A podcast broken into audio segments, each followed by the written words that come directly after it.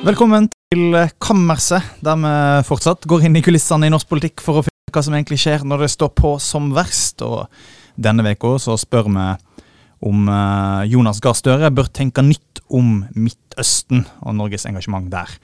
Eh, Men før vi går inn på kammerset, så skal vi en liten tur innom forværelset for å kikke litt på hva som har gjort inntrykk på oss eh, den siste uka. Vi har med oss nyhetsredaktør Lars Inge Stavedan. Hallo. Hallo. Debattleder Dana Vanono. Hei, hei. Hei, hei. Og meg sjøl, kommentator Emil André Astad. Um, ja, hva er det som har gjort inntrykk på, på deg siste uke, Lars Inge? Um, Det var mobilen som ja, det var mobilen som Slengte i eh, bordet. slengte. Jeg prøvde å finne, prøvde å finne en sånn Instagram-feed, så jeg kunne si noe fornuftig om, Uh, som, som, var, som var sånn deilig avbrekk uh, i, i uh, denne, denne ganske intense nyhetshelga. Den Altså heter- kattevideoer? Ja, han er så Positive News from Around the World, heter han. Så det, det å samle sånne lokalnyheter uh, fra eh, Det er jo selvsagt engelskspråklige land, da, om uh, Greg 70 som, uh, som uh, har fått katten ned fra treet, eller hjelper gamle over veien. Det, det er en sånn Ganske måte å på en måte si, vise fram eller uh, profitere på folks behov for liten tenkepause, kanskje. Du verden. Så eh, Jeg skal inn på den med en gang etterpå. ja. Dana, hva, er- hva er det som har gjort inntrykk på deg? Og hvis jeg kan be deg om å bøye deg helt fram til mikrofonen. Ja. Eh, nei, selvfølgelig. Altså, det som skjer i Israel og Gaza, gjør jo kjempesterkt inntrykk. Eh, og i den forbindelse så fant jeg fram en eh, bok som står i bokhylla, som jeg leste for en stund siden, men som jeg eh, trengte en ny visitt. Og det er boka til en uh, tidligere uh, israelsk journalist i Haaretz, som heter Ari Shavit. Som har skrevet en bok som også er gitt ut på engelsk, 'My Promised Land'. Uh, hvor han skriver egentlig en hel sånn Altså en det er en sånn essayistisk familiekrønike om, om Israels historie gjennom generasjonene bakover i hans familie. Eh, som eh, forteller på en måte historien om Israel og jødenes forhold til Israel, og også en veldig, et veldig kritisk blikk på eh, hva Israel har eh, blitt. da. Eh, det er en kjempeinteressant bok eh, som jeg anbefaler. Mm. Og som kan være nyttig å lese nå, kanskje. My Promised Land. My Promised Land. Ja, jeg òg har ei bok uh, som jeg vil anbefale denne uka. Og, og det er en bok og egentlig en opplevelse. Eh, fordi eh, på eh, på mandag, tror jeg, så ble boka til eh, Kjetil Alstadheim, Alstheim, eh, politisk redaktør i Aftenposten, lansert. Eh, 'Jonas og krigen' heter den. Eh, og for meg personlig så var det en eh, litt spesiell eh, å, å lese om, fordi jeg sjøl driver og, og, og skriver litt på et bokprosjekt om, om krigen og statsminister Støre. Men hvilken krig tenker du på? Snakker, Krigen snakker i- det du og Alsheim om? krigen i Ukraina, eh, sant? Og, og liksom den store håndteringen av den krigen i, i norsk politikk som har vært siden, siden den brøt ut 24.2 i fjor. Og den, den boka til Alstheim er veldig interessant. Jeg anbefaler den veldig som et sånt eh, historisk dokument over hvordan dette har vært for Jonas Gahr Støre å, å håndtere. Og selv om jeg har jobba en del med den samme problemstillingen den siste tida, så syns jeg den boka er veldig veldig interessant å lese. Um, og jeg tror mange eh, som er interessert i politikk, vil få veldig mye ut av å på en måte forstå hva som skjer på bakrommet ved å lese den boka. Så kommer det nok flere bøker, kan jeg jo si, eh, om dette eh, framover. Eh, så, eh, men, men, eh, Boklansering eh, der? ja, det, var, en, det var en, en long shot. Jeg skal ikke gi noe tidspunkt for boklansering, men ja, eh, på et tidspunkt så gjør det nok det. Det som er, det, Opplevelsen som gjorde inntrykk på meg, det var mandag kveld. Da var det en leiteaksjon på Sørlandet som opptok hele Norge. Det var en varsla bakkeoperasjon på Gaza. Uh, Sjøl var jeg i Israel, som lytterne av forrige episode vil høre har hørt allerede. Og, og liksom Mye sånne sterke inntrykk på kort tid, eh, og mye negativt i nyhetsbildet. Jonas Gahr Støre har hele dagen måttet tåle eh, masse lekkasjer om statsrådsskifte og strid og krig i Arbeiderpartiet. og Det er bare, ja, det er veldig mye sånn negativt i, i nyhetsbildet, da, sånn som dere òg har vært inne på. Men så sitter jeg på Litteraturhuset på denne boklanseringen. Der sitter Alstaheim og snakker med tre politikere. Um, Og Det er Jonas Gahr Støre, Audun Lysbakken og Ine Marie eh, Eriksen Søreide. Um, og de, de, sitter der, og det er eh, Jeg tenker på det når jeg sitter der, at dette her er terapeutisk. Å sitte og høre på disse snakke om Norge i verden.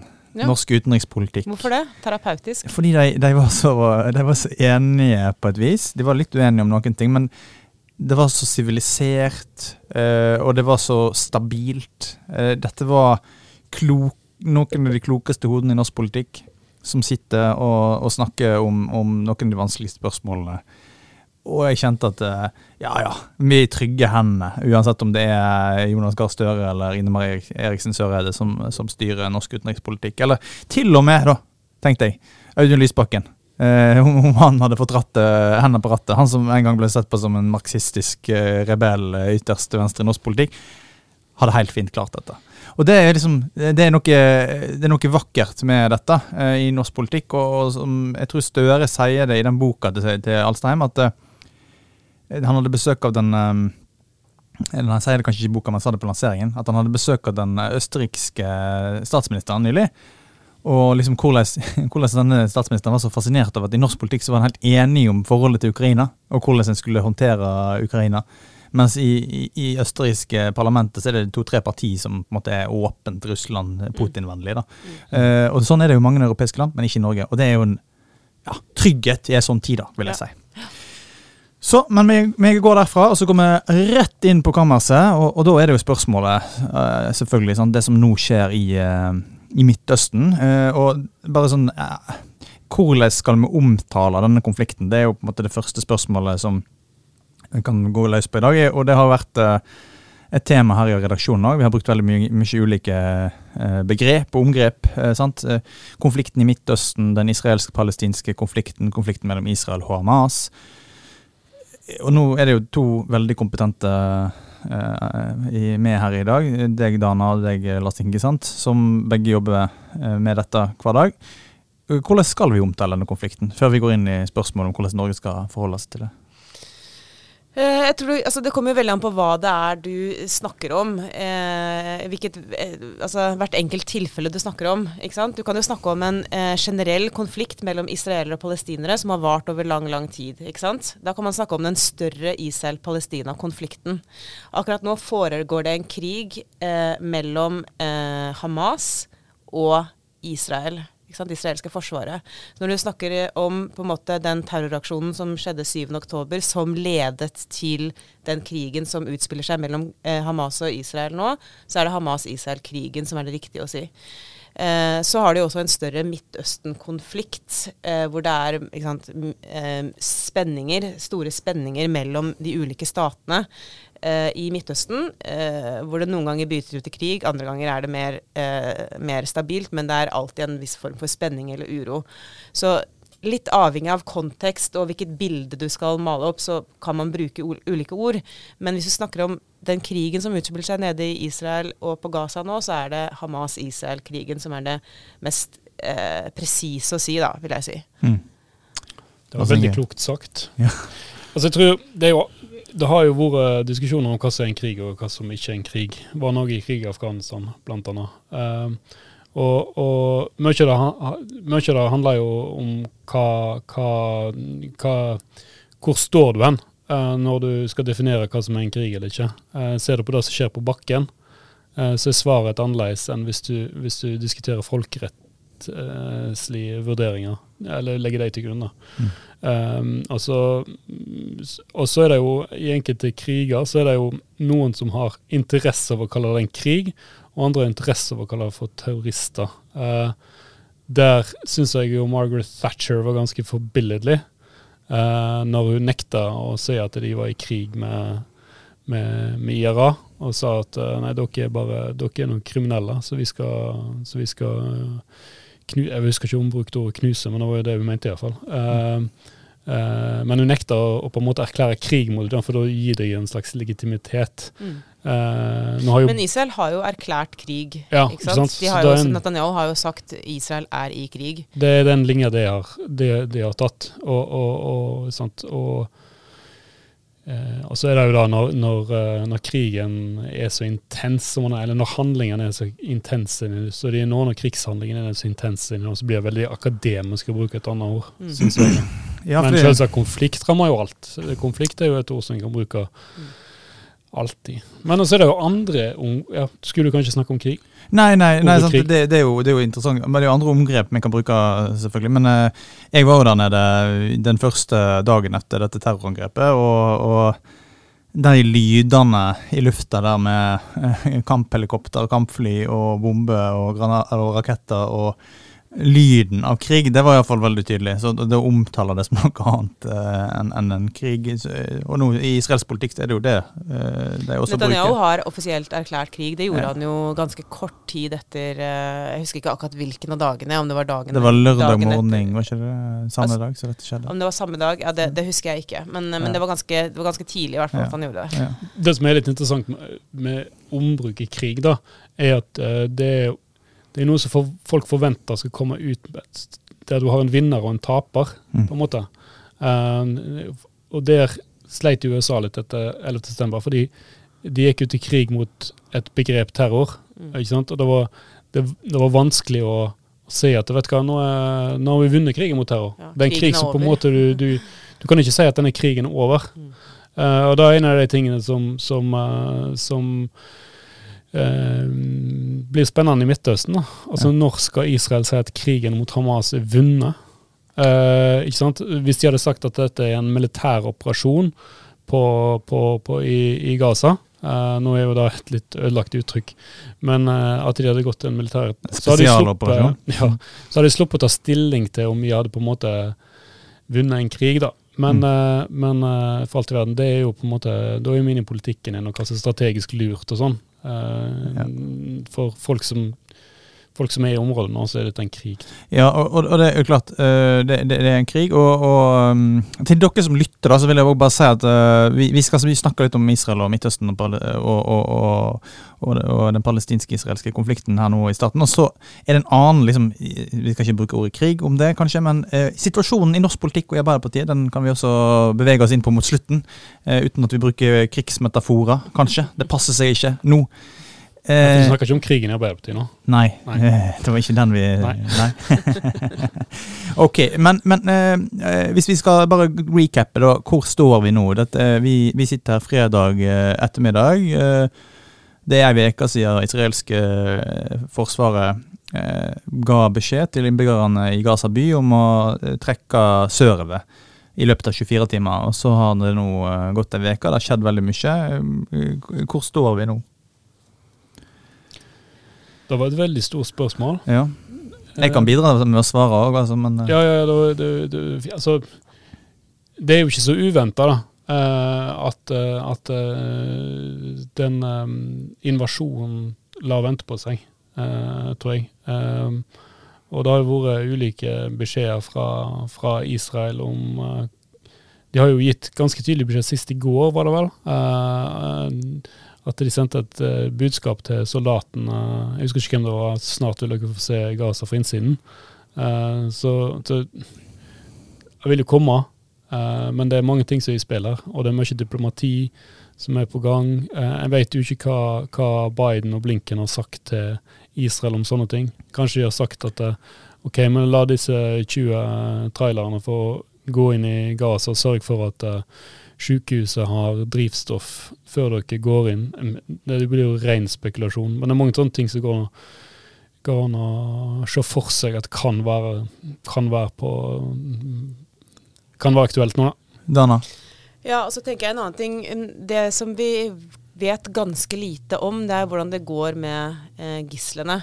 Eh, men det vi vet ganske mye om, er at eh, eh, Israel eh, har en tradisjon, holdt jeg på å si, eller vi vet det fra tidligere, at de gjør eh, veldig mye for å eh, redde ut eh, gisler hvis det blir tatt israelske gisler. Vi så det jo for en, noen, en del år tilbake da en israelsk soldat som het eh, eh, Gilad Shalit, var det det han het? Mm. Mm. eh, ble tatt som gissel inne på Gaza, og det ble en, en stor forhandling, og det ble løslatt eh, mange mange hundre palestinske fanger for å få ut denne ene israelske fangen. Så dette her er jo på en måte en kontrakt som israelske myndigheter har med sin befolkning, eh, eh, som, eh, som, er en, en, en, helt, en, veldig solid kontrakt, og liksom som, som, myndighetene absolutt ikke må eh, bryte med det israelske folket. Det er at liksom de gislene skal man gjøre alt for å redde ut. Um, og nå vet jeg i hvert fall vet ikke, jeg vet ikke hvor mye liksom, eh, det internasjonale samfunnet egentlig vet om, om, hvordan det går med gislene, og hvor de er, hvor de befinner seg, og hva slags forhandlinger som gjøres eh, på bakrommet eh, for å få dem ut i live. Og det kan jo også være en grunn til at en bakkeinvasjonen vent, eh, vent, lar vente på seg. Det at eh, de, de gislene skal, eh, skal, Så mange som mulig skal komme ut i live. Ja, jeg, jeg følger jo litt med i tyrkiske medier, fordi det, det en sånn interesse jeg har. Og der, eh, der har måte Tyrkia blitt framstilt som en sånn eh, forhandlingsorgan da, mellom Hamas og Israel når det kommer til disse gislene. Og i tyrkiske medier så er jeg liksom eh, ganske opplest og vedtatt at kvinner og barn blant gislene er på en måte er prioritert, og at det er sannsynlig at det er derfor denne bakkeinvasjonen lar vente på seg, fordi det pågår forhandlinger om det nå. Eh, og det er åtte timer Jeg syns jo det var ganske sånn eh sterkt eh, å høre at uh, Anthony Blinken hadde, hadde, hatt et åtte timer langt møte med Netanyahu. Da, da forstår du at internasjonalt diplomati ikke bare prat på et ganske overordna nivå, men at da hadde de nok vært ganske ned i the nitty-gritty details om humanitære korridorer, om hva type hjelp som skal inn. Og de har sikkert sittet og forhandla hardt om dette. Eh, og det er jo eh, for så vidt, Vi skrev jo det på lederplass denne uka i Vårt Land, at det er gledelig, at gledelig å se at internasjonale diplomatiet ikke på en måte har gitt opp. sånn som det er gjort mange, ganger, mange andre ganger i konflikter i Midtøsten. F.eks. om krigen i Libya, så, så var det mye større tendenser til at det internasjonale diplomatiet veldig tidlig ga opp og, og, lente seg på en militær løsning.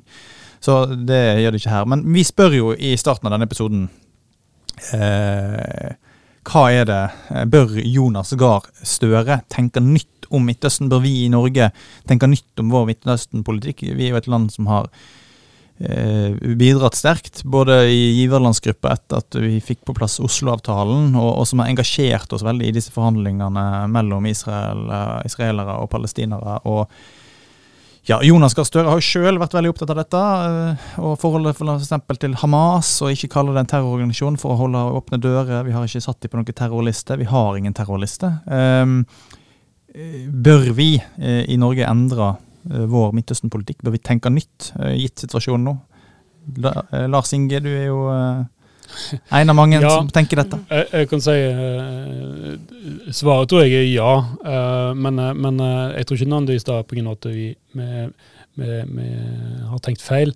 Men det var et eller annet som slo meg uh, når jeg bladde gjennom eh, budsjettproppen eh, til Utenriksdepartementet, eh, og se hva formulerer de, formuleringer de bruker da, til grunnlag for støtte til, til, til Palestina. Der står det norsk støtte skal fremme en forhandlet tostatsløsning der Israel og Palestina lever side om side i fred og sikkerhet innenfor gjensidig anerkjennelige grenser. Støtte til sånn og sånn, til PA, da, altså palestinske selvstyremyndigheten, er viktig for å ivareta rammebetingelsene for en tostatsløsning. Uh, dette er jo veldig fine ord. Jeg tror ikke det ordene har endra seg noe særlig uh, de siste tida. Og det har iallfall ikke endra seg uh, Det har ikke endra seg ved regjeringsskiftet, for å si det sånn. det har på en måte vært en sånn linje som, som, Norge har hatt lenge. Og, og, det er noe med den linja, den for, for, å ha noe realisme, så må være så må det være at det er krefter, det er moderate krefter, som ønsker dette her, som på en måte vi kan faktisk støtte da, der nede i, i, uh, i, uh, i Midtøsten. Og det er klart at det, eh, det, er veldig vanskelig å se hva de kreftene er nå. Ja, for alt i verden. Jeg syns ikke vi skal støtte, nei, kutte støtten til, til uh, Abbas, men en eller annen gang så må vi, ta hens, så må vi liksom se for oss at han ikke er der lenger. og at, og at Eh, at, eh, at, de kreftene som ønsker en tostatløsning basert på ikke på en måte nesten ikke relevant lenger. Det er jo fryktelig tragisk. Men, men, en eller annen gang så vil liksom the facts on the ground da, eh, endre seg såpass at vi må at jeg tror, eh, Og det tror jeg Utenriksdepartementet er i gang med allerede, uten jeg vet det. Altså, Mahmoud Abbas, eh, lederen, presidenten for de palestinske selvstyremyndighetene, han har jo stått i hardt vær den siste altså i lang tid har hatt veldig lav legitimitet blant, blant palestinerne. Både i Gaza, men òg på Vestbredden. Og det vi så nå denne uka, var jo at det var store demonstrasjoner på Vestbredden mot eh, Abbas, og der, der folk gikk i gaten og ropte at han skulle ned. Og så vet vi at det er krefter i israelsk, Israels politikk som har vært ganske fornøyd med at Abbas har stått svakt. Eh, det gjør òg at eh, status quo, som mange ute på høyresida i israelsk politikk har eh, snakka opp, har, eh, eh, har liksom stått sterkere, da. Hvis det ikke skjer noe, hvis ikke palestinerne har en god eh, god, eh, moderat, eh, et godt moderat lederskap, så, så blir det ingen eh, palestinsk eh, stat eller tostatsløsning. Mm. Mens mange andre som støtter konflikten, f.eks. i Tyrkia, da, eh, for å ta det eksempelet igjen, et, et stort muslimsk eh, land som, som har engasjert seg og som har interesse i, i dette området, er jo veldig opptatt av tostatsløsningen og, og snakker, altså i all, all kommunikasjon fra Erdogan så mm. er det det som er budskapet. Eh, du Dana, eh, hva tenker du om det som skjer? Um, nei, altså Jeg tenker nok at uh, akkurat nå er det ganske bekmørkt, og at de, um, de typiske aktørene som Norge har uh, tenkt på som samarbeidspartnere tidligere, de tenker jeg har utspilt sin rolle. Ikke sant? At, uh, Hvem er det? Kan du beskrive ja, altså, Hamas har utspilt sin rolle. Eh, de har jo jeg, jeg, jeg, kan ikke se for meg at uh, det skal være noe nytte for, for, Norge å samarbeide med Hamas videre. I de palestinske selvstyremyndighetene så har det jo veldig lenge vært utbredt korrupsjon, ikke sant. Og, og, Abbas har vært en, en, en dårlig leder for, for palestinerne på Vestbredden. Uh, og I tillegg så har den israelske regjeringa blitt uh, uh, veldig veldig høyrevridd, ikke sant. og, og de um, og veldig konservative religiøse krefter har blitt en maktfaktor. Da. Um, så slik som på en måte altså, liksom, Aktørene med makt i Israel og Palestina i dag er jo vanskelig å sette, å, å, sette sammen ved et forhandlingsbord. Eh, så jeg ser jo ingen sånn umiddelbare løsninger. Jeg gjør jo ikke det. Men, men jeg er jo enig Altså jeg tror jo at det som må til, er jo at eh, at uh, det dannes At det kommer fram nye, moderate lederskikkelser, gjerne fra grasrota, som klarer å mobilisere til en annen Mobilisere en annen politikk, da, ikke sant? Og, og til en annen type fremtid, da. Um, men om Norge ha, kommer til å ha noen sentral del i det, da tror jeg kanskje vi tror litt for godt om vår egen posisjon i, i Midtøsten. Da, eller at vi jeg, jeg, tror dette er noe som må komme fra befolkningene selv. Mm. Um, ja.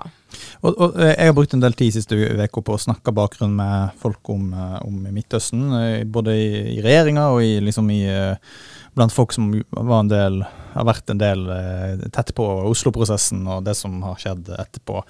Og det, det, Der er det ikke like klart uh, at Hamas har utspilt sin rolle. og Noe av det som kanskje vi la merke til forrige uke, om at Jonas Gahr Støre omsider kalte Hamas en terrororganisasjon, hadde jo egentlig ingen formell betydning. Det hadde ingen betydning for om Norge kan snakke med Hamas, fordi Norge har ikke terrorliste. Så han kalte det det for å tilfredsstille vårt behov for å kalle det en spade for en spade, men, men i realiteten hadde det ingen effekt. uh, annet enn at eh, Hamas, Hamas, kanskje ikke vil snakke med Norge. Det, den risikoen tok han fordi han mente eh, tydelige ting på at Hamas nok uansett vil snakke med Norge hvis det er behov for å snakke med Norge. Eh, det folk øverst i den norske regjeringa fall bekymra for akkurat nå, er jo at situasjonen på Vestbredden skal spille ut av kontroll. Det er liksom kanskje nå når alle verdens øyne er retta mot uh, Gaza og uh, den humanitære situasjonen der, og, og, krigen som kanskje kommer, bakkeoperasjonen som kanskje kommer. Så hvis det blir vold og opptøyer og ja, kamphandlinger på Vestbredden også, så, så har vi en situasjon som kan spille mm, ganske langt ut av kontroll og, og være en stor trussel for sivile israelere òg, kanskje. Ja, så har du i tillegg uh, Hizbollah i nord, som, uh, som mobiliserer, og som, uh, som, har vist at de er klare hvis det trengs. så det kan jo bli en krig på enda en front, hvis man skal være ordentlig dystopisk. Så det er mye som kan skje, og det er veldig, ja, det er, det er veldig mye usikkert nå. Og, og um, volden har jo eskalert, allerede begynt å eskalere på Vestbredden. Mm. Så, eh, så, det kan fort bli verre, dessverre. Vespen, det er jo eh, Jeg var på Hebron i 2009, og, og det som overraska meg den gangen, eh, var jo at det var flere, mange flere faksjoner eh, i den konflikten enn jeg trodde det var. Og dette var jo et bilde på en måte fra gata. Det var mange demonstrasjoner og torggater og steinkastinger da du eh, vant med. Men det var jo på en måte de palestinske sikkerhetsstyrkene uh, står jo i en sånn situasjon der som de Jeg tror ja, For det første så går jo en tredjedel av den norske bistanden, eh, til det jeg har hørt, uh, eller støtten til PA, til sikkerhetstiltak. Det var jo, Iallfall var det sånn i en rapport som kom i 2017, tror jeg. Jeg vet ikke om det er helt sånn nå, men det er iallfall fryktelig viktig at eh, de palestinske sikkerhetsstyrkene, det er på en måte da som som, som er livbøyen til Mahmoud Abbas der nede. da. Uh, så da er på en måte én front, og så har du de palestinske uh, de palestinske demonstrantene i gatene. Og det var det ikke vanskelig å se. Det var det Hamas-flagg overalt uh, på Vestbredden. og de hadde sterk støtte. Jeg husker vi hadde med oss en, en, sånn, en såkalt fikser der nede, og han han var høyt utdanna, snakket veldig godt engelsk. Uh, uh, han bare sa vet du hva, ja, jeg stemte Hamas pga. korrupsjonsproblemer. Uh, og det var jo den gangen. Ja. og så har du settlerne, som, altså bosetterne, um, som, som, vi ikke kom inn på i hele tatt. Men, men med, med, Og jeg så ikke hvordan de oppførte seg, men alle vi snakket med, fortalte mye om det. da. Uh, at det var da angrep, og det var trakassering og, og sånne ting. Og så var det så var det israelske soldatene, da. Uh, som ikke på en måte, som sto i, også i en annen rolle. Uh, som, som av og til ja, ikke sant? Og den rollen de israelske soldatene på Vestbredden den gangen var sannsynligvis annerledes enn den de har nå. Så det er jo klart at det er jo en eh, Det er veldig mye som kan skje der. Og jeg mm. tenker hvordan det er å være hvordan det er å tjenestegjøre de palestinske sikkerhetsstyrkene på Hebron nå. Mm. Du risikerer at du måtte skyte mot palestinske mål. Uh, du har sett, uh, du har sett bildene fra Gaza. privat støtter du kanskje Hamas. og så skal du gjerne koordinere en operasjon i samråd med israelske styrker på, på Vestbredden. Altså, det, det, det, det, er et scenario som er ganske, som er ganske heftig, altså. Uh, så. Og så er det jo klart, altså uh, Det blir jo sagt av de som har vært en del av dette, at det er liksom, de, dette er ikke tid for de rene å ranke. Altså, de som vil holde hendene sine rene, de beholder seg unna denne konflikten og alle forsøk på å få til en fred. og som vi nå er inne på her, så er jo Eh, Hamas, som eh, Benjamin Netanyahu ønsker å utrydde, og resten av den israelske forsvarsledelsen sier at de skal utrydde på Gaza, det er jo en eh, maktfaktor som fort kan spille en rolle på Vestbredden òg. Og kanskje er det hele strategien til Hamas å, flykt, å flytte siden det er litt av sin, sin maktbase eh, i, i, i kjølvannet av en israelsk bakkeoperasjon. Så det at Jeg har skrevet det i en kommentar som jeg kanskje angrer litt på at jeg skrev forrige uke, om at hvordan Hamas har spilt helt ut sin rolle og er borte og ingen kan snakke med dem. Det kan vi vel på en måte ikke være helt sikre på, selv om det er mye som tyder på at det angrepet de det terrorangrepet de gjennomførte i Israel, var på en måte en spiker i kista for de som en seriøs politisk maktfaktor. så Eh, og det er jo ganske interessant å høre, det har sikkert eh, du litt mening om, Dan, at, at, at liksom hvordan det angrepet, i sånn i ettertid, om det var om det var en Og det, det har jeg hørt litt fra de jeg snakka bakgrunn med denne veka i, i regjeringa, at eh, deres vurdering er at Hamas sitt angrep spilte ut av kontroll. At det ikke var planlagt å være så brutalt og så bestialsk som det var, men at de møtte mindre motstand, og dermed så uh, eh, mista ledelsen og strategene i Hamas kontroll over den situasjonen. Men altså, så, så det kan vi gjerne si litt om, men spørsmålet er jo hva skal være Norges eh, politikk? Er, hvordan ser en fredsløsning ut, eh, Lars Inge? Har du, eh, du kan ta Dana først, og så Lars Inge. Ja, eh, ja, det er veldig vanskelig å si hvordan en fredsløsning ser ut akkurat nå. Det, det, det, jeg kan ikke Jeg klarer ikke å se for meg at det skal bli fred der med det aller første. Men, eh, men en ting jeg har spurt meg litt om, er at ikke sant, vi snakker jo alltid om at det er grensene fra 1967 som er, eh, som er på en måte en slags sånn hellig gral. Det er det vi alltid går tilbake til eh, når vi snakker om hvordan vi skal eh, dele opp territoriene, og hva som er den beste måten å dele opp territoriene på. De siste dagene har jeg tenkt litt på at men, uh, de 1967-grensene de tilhører på en måte forrige generasjon politikere. De tilhører generasjonen til Shimon Peres uh, og, uh, og Yasir Arafat. Um, sånn at um, hvis man skal forhandle om en sånn territori territoriell fred, uh, hvor man skal dele opp, uh, klare faktisk å dele opp landet i to, uh, altså territoriet i to land, to stater, så kan det kanskje være nyttig å, å um, begrave akkurat de grensene litt, som vi har snakket om så lenge, fordi nye generasjoner ikke har den samme type forhold til eh, seksdagerskrigen, da, som er utgangspunktet for 67-grensene som vi snakker om. ikke sant? Um, ja, så, så, det er det ene. At, uh, at vi, vi, vi, tar det på en måte for gitt at det er 67-grensene vi, vi, skal tilbake til dersom vi skal klare å lage to stater. Men vi må ikke glemme at, at, uh, at de grensene tilhører på en måte forrige generasjon. da. Mm. Um, uten at jeg vet hva som bør være de nye grensene. Eh, men det kan hende at man skal prøve å tenke nytt om det. Og så er jo et annet stort spørsmål er jo Jerusalem. Ikke sant? I Oslo-avtalen så var det jo en, eh, så var jo meningen at eh, Jerusalem skulle være en eh, internasjonal sone styrt av eh, administrert av FN. Uh, men verken palestinerne eller israelerne er vel egentlig veldig interessert i det, sånn som det uh, ser ut i dag. Uh, ja. Det er, det er, interessant. Jeg tror det er et viktig, viktig perspektiv det med forrige generasjon og denne, den nye generasjons politikere her. Um, altså Grensene etter 67-dagerskrigen er jo på en måte ja, i 1967, seksdagerskrigen, uh, uh, er jo noe som er en av de få tingene FN iallfall er enige om, da. Eh, også USA. Eh, så på en måte så er det vanskelig å komme vekk i det som er som et rammeverk. Mm. Og jeg tror det må være veldig det må være en veldig sterk palestinsk forhandler hvis han skal gå inn i, i de grensene og forhandle, eh, tror jeg, da. Og så er det jo klart at det er jo, det er jo utfordrende en stat som består av to ulike territorier uten noe fysisk forbindelse mellom. da.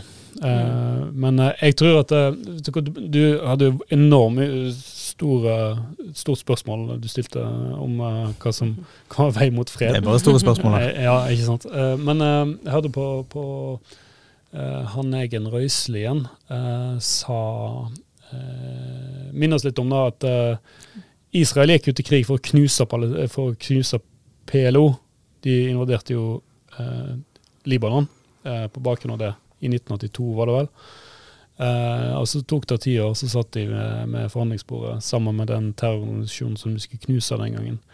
Eh, så eh, hvis det skulle skje her, eh, så, så Altså, Hamas har jo ikke noen ledere nå som, som, det er mulig å se for seg skal, skal på en måte ta en sånn ta en sånn, hva skal jeg si, ha en sånn rolle, da. Um, som det Yasir Arafat eh, hadde den gangen. Eh, og så må en se for seg at en eller annen gang så skal en aktør vinne et valg. da.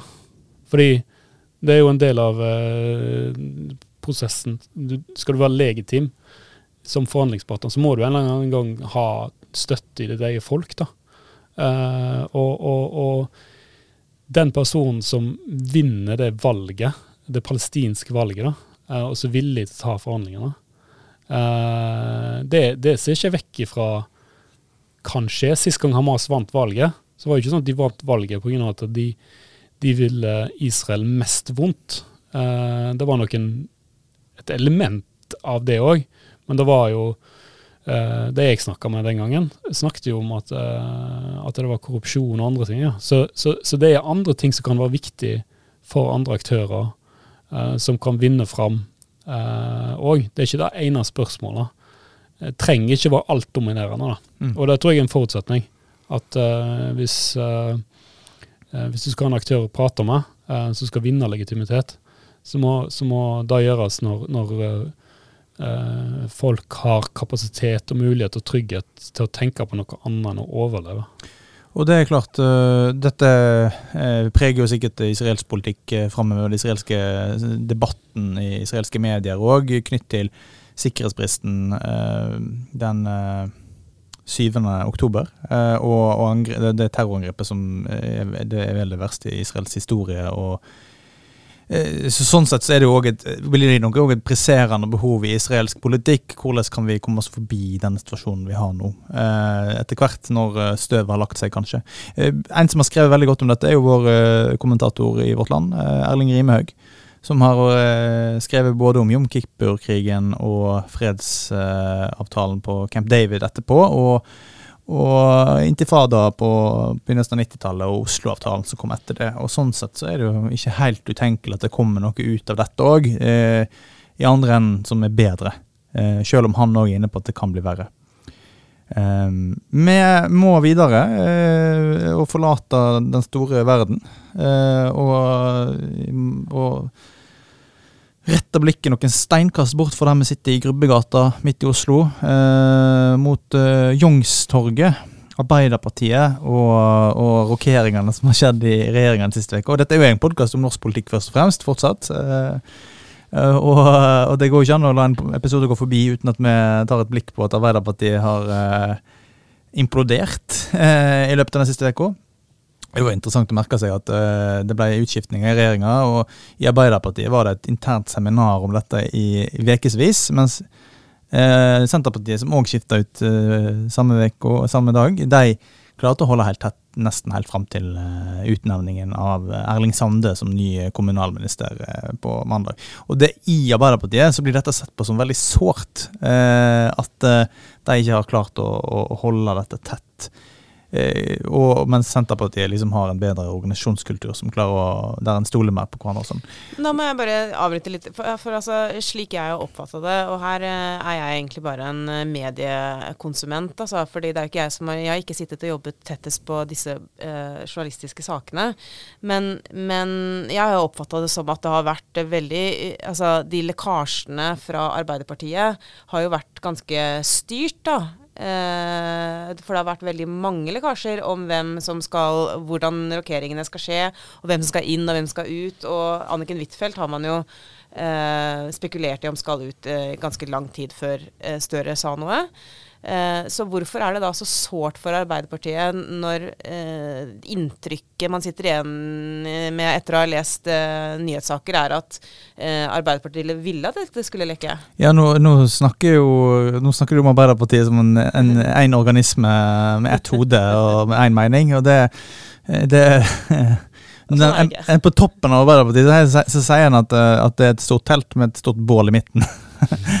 og det bålet det, det, lager av og til litt røyk. Ja. Uh, og Denne uka så har det vært sånn. Uh, og eh, Iallfall de jeg har snakka med nå, jeg var på Stortinget i stad og har snakka med flere i dag og i går og denne uka, de sier jo at disse lekkasjene de, de, Det er litt ulike teorier om hvor det står, men, men den mest skadelige teorien, den mest eh, vondskapsfulle teorien, da, hvis en skal eh, ta dette i verste mening, så er det jo det at, dette er lekkasje som er ment til å skade Jonas Gahr Støres autoritet. At det er et målrettet angrep på hans lederskap eh, for å berede grunnen for noe annet. Eh, og at det er kretsen i Akershus eh, Arbeiderparti, knyttet til Anniken Huitfeldt, Tonje Brenna, Uh, og den makttriangelet som har gått opp mot uh, Trøndelag og, og, Kjersti Stenseng og denne, den, denne gjengen her, hvor, liksom, hvor, mye hold det er i, et, i, en sånn anklage, det er vanskelig å verifisere. Men at det er, det, at det er der lekkasjene har kommet. da. Uh, og at de har hatt et mål om å svekke Jonas Gahr Støres lederskap. Det er jo ikke helt utenkelig. Altså På andre sida tenker vel folk at kanskje i Jonas Gahr Støres leir, da så tenker jeg mer at uh, søren at vi ikke klarer å holde tett. Det er så mange med store ego i dette partiet som ikke helt uh, klarer å tenke på fellesskapet før de ytrer seg. Uh, vi skulle hatt litt sterkere lederskap som, som kunne på en måte hatt mer autoritet. Um, men at en ikke ser den konspiratoriske tanken om at det ligger en plan bak det. Hva tenker du, Lars Inge? Jeg vet ikke. Altså, det er klart at uh, Nå har ikke jeg vært på Stortinget og snakka med kilder heller de siste, de siste ukene. Altså, jeg, jeg, vet jo hvordan disse lekkasjene havner i, i mediene. Da. Når du får en lekkasje, så er, alltid, så er det jo alltid eh, et spørsmål om motivet bak lekkasjen. Alle, har, alle vil et eller annet med en lekkasje, uansett. Uh, og så, når en jakter på statsråden, så må, så må en være klar å skille på en måte eh, ønsketenkning eh, fra hva som er, hva som er reelt. da. Og så tror jeg tror jeg eh, nok flere i Arbeiderpartiet kunne Og kanskje også kommentariatet, Emil. Jeg nevnte ikke deg spesielt, men kunne tenkt at vi kan puste litt med magen. Jeg er ikke enig i at Arbeiderpartiet er implodert. De har fått et nytt team med statsråder. Uh, vi må ettergå de statsrådene og hva de faktisk gjør og slike ting. Uh, og eh, det går an å det går an å, Selv om du tenker at uh, Jonas Gahr Støre på en eller annen Hvis du er i Arbeiderpartiet da, og tenker at en eller annen gang så må Jonas Gahr Støre tak, takke av, så tror jeg det kunne vært greit å ikke tenke på det hver dag, kanskje. men tilhører kanskje min sånn, litt sånn seige vest vestlandsnatur, personlighet. Men, uh, men uh, Nei, jeg vet ikke. altså Evnen til selvskading i Arbeiderpartiet, den, eh, den, den, overrasker meg stadig.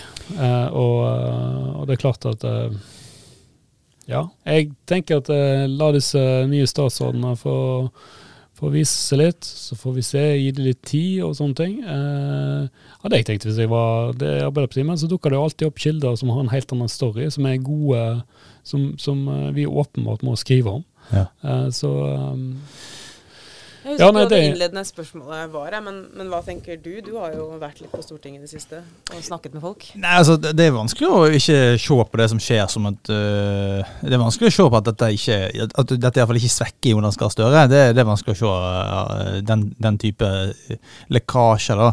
Og Visstnok så var det et møte i gruppemøte på, til Arbeiderpartiet på onsdag som sa at uh, disse lekkasjene må stoppe. Men det var visst veldig generelt, dette møtet. Det var veldig sånn lekkasje dumt, Eh, mens alle egentlig satt der og visste visstnok hvor de lekkasjene kom fra, uten at det ble adressert. Da. Og da er det dette miljøet i Akershus og Trøndelag det blir siktet til at det er der Eh, at det er der eh, en kan knytte flest lekkasjer til, selv om ingen driver og jakter på det. Så er det en Eh, ja, det, det, er et mønster som blir eh, gjengitt. Da. Så um, eh, Sånn sett så, så, er jeg helt enig. Jeg, det, jeg blir ikke ofte, så ofte beskyldt for å være eh, en som uh, spår Jonas Gahr Støres uh, undergang. Men, men det er jo mange som har gjort det i lang tid. Og, og, hans autoritet Han står jo ekstremt svakt som statsminister. Oppsiktsvekkende svakt sammenlignet med tidligere statsministre. Jeg må kanskje tilbake til ja, langt tilbake eh, for å finne en som har stått like svakt som Jonas Gahr Støre i, i, eh, i, befolkningen. Muligens. Eh, på målingene Nå har jo Erna Solberg eh, eh hatt sin Sindre Finnes-sak, og, og, fortsatt så er vel hun eh, mer populær som statsministerkandidat enn Støre. Erna-nostalgien, den, den, lever nok. Den lever nok. Fortsatt. Vi, eh, vi, kan jo, vi, kan jo, komme med en spådom da, før vi tar kveld. Eh, og det er eh, Er det noen som har noe å melde? Av eh, profetier sånn i norsk politikk, eller eh, Ja. Jeg, jeg, en, en, en ikke navngitt statsråd som har vært inne i studioet vårt som gjest, kom bort til meg i stortings, stortingsrestauranten i går og, og var veldig tydelig på at han var veldig stolt over sin spådom eh, som han kom med her i vinter. Eh, så tenkte vi kunne nevne det. Eh, det var, eh, det var Geir Pollestad som eh, spådde at Erna Solberg ikke kom til å være statsministerkandidat i 2025. Og han mente at nå var, nå var det helt sikkert at den spådommen kom til å gå i oppfyllelse. Det var, det var ingen tvil. Eh, ja, det er jo ikke helt sikkert ennå, men vi kan jo gi han kred for at, Kred skal han få. at han, ja, ja. han er inne på noe. Ja. ikke helt usannsynlig. Ja, noen som tør å utfordre Pollestad? Altså, eh, du kan jo si at det som har vært litt eh, øh, Flaks er kanskje feil ord å bruke, men da krigen mellom Israel og Hamas brøt ut, så, så, har jo det dominert nyhetsbildet. Og før det dominerte nyhetsbildet, så var det jo Finnes, altså Erna Solberg og Sindre Finnes-saken som, som var det alle medier skrev om. Og så skjedde det noe ute i verden som tross alt er viktigere og verre, med forferdelige skjebner og lidelser, enn eh, aksjehandlene til Sindre Finnes, eh, og som mediene er helt nødt til å dekke, og det blir massiv dekning av, av det. Og det gir jo eh, Erna Solberg eh, et, eh, et, et liksom, spillerom da, hvor hun kan samle nye krefter, eh, legge en ny strategi. ikke sant? Hun vet jo at, eh, at uh, sakene om henne og aksjehandlene til Sindre Finnes vil jo eh, komme opp i mediebildet igjen. Eh, men nå har, hun, har, de hatt litt tid på seg, hun og teamet sitt, til å, til å tenke ut eh, strategien videre, da. Ja, det, kan jo, det kan jo endre at folk blir lei av å, å lese om det, men Erna Solbergs problem er at uh, hun ser ikke noe det er ikke, noe, det er ikke så lett å se en ende på dette her. Fordi skandalens natur er så Hva skal jeg si Det, det, det er så mange nyhetssaker der. Uh, I, uh, i uh, hva Sindre Finnes har gjort, aksjelister, tidspunkter. hva Erna Solberg gjorde som statsminister i lenge. Det, det er veldig mye å, å skrive om, rett og slett. Så, så, hun vil ikke få det pusterommet, tror jeg, som kanskje en ville fått i andre saker. da eh, som er mer avgrensa i sin natur. Eh, og så tror jeg det rokker litt ved Så kan det jo skje to ting. da, At eh, folk blir lei av at mediene hakker på Erna Solberg. Eh, det kan jo kanskje skje. Eh, men jeg tror det er mer nærliggende at, eh, at, at en ser at det der bildet av Erna Solberg som den, som den trygge personen som alltid har resonnement som er tufta på fakta, og den tryggheten som folk ser hun har i debatter og sånn, mm. at den blir litt uh, rokka ved. da. Og det vil være veldig ødeleggende for henne. og for, Da spørs det om hun, hun vil ta den uh, det kom, men det kommer jo an på medienes rolle litt også, når du er inne på det når du sier at det kan hende at, vil, at leserne blir lei av å, at mediene hakker på Erna Solberg. Og det tror jeg de vil bli dersom vi fortsetter å hakke på Erna Solberg. Men jeg så jo nå en ganske god sak, jeg husker ikke om det var i VG eller en annen avis, eh, men eh, eh det handlet om en eh, bedriftsleder som hadde måttet uh, sparke alle sine ansatte under korona, ikke sant? Mm. Og var ganske forbanna på at Sindre Finnes da hadde veddet mot norsk økonomi når det gikk som verst for, eh, eh, for eh, nærings, norsk næringsliv. Han selv hadde måttet sitte i en enormt vanskelig situasjon og gi sine ansatte sparken. Eh, og opplevde det som veldig provoserende, mm. det eh, som det viser seg da at Sindre Finnes har gjort i samme situasjon, da, veddet mot norsk økonomi. Og hvis mediene eh, i større grad viser fram denne type saker, konsekvensene av, eh, av det som eh, av, av, denne type oppførsel da, som har skjedd eh, inne i statsministerboligen, eh, så er det ikke nødvendigvis sånn at eh, leserne blir mette på Erna-hakking. fordi da, da, vender man jo på en måte blikket mot de, eh, mot de viktige sakene og de vanskelige skjebnene. da. Mm. Mm. Så det tenker jeg også bør være liksom, viktig i dekninga framover. Hva, hva, er egentlig konsekvensene sånn, i det større perspektivet av uh, mm. Mm. Altså Det kan hende mange i Høyre skulle ønske at uh, Sindre Finnes uh, hadde gjort en skandale som var liksom uh, Det var en skandale, ferdig omtalt, ferdig. Ja. At det ikke var 3200 hva er det, 200 aksjehandler på ulike tidspunkt som 3000 små skandaler. Ja, det, som er sånn som, som, jeg tror mange i Høyre er enig med deg, Lars Inge, at dette kommer til å vare. Vi blir ikke kloke, vi, men klokka går, så vi må avslutte og uh, si takk for i dag. Tusen takk for at dere lytter på. Uh, vi er tilbake med en ny episode neste uke. Uh, hvis dere har ris, ros, tips eller innspill, så er det bare å sende det til kammersetalfakrøllvl.no, og så snakkes vi. God helg.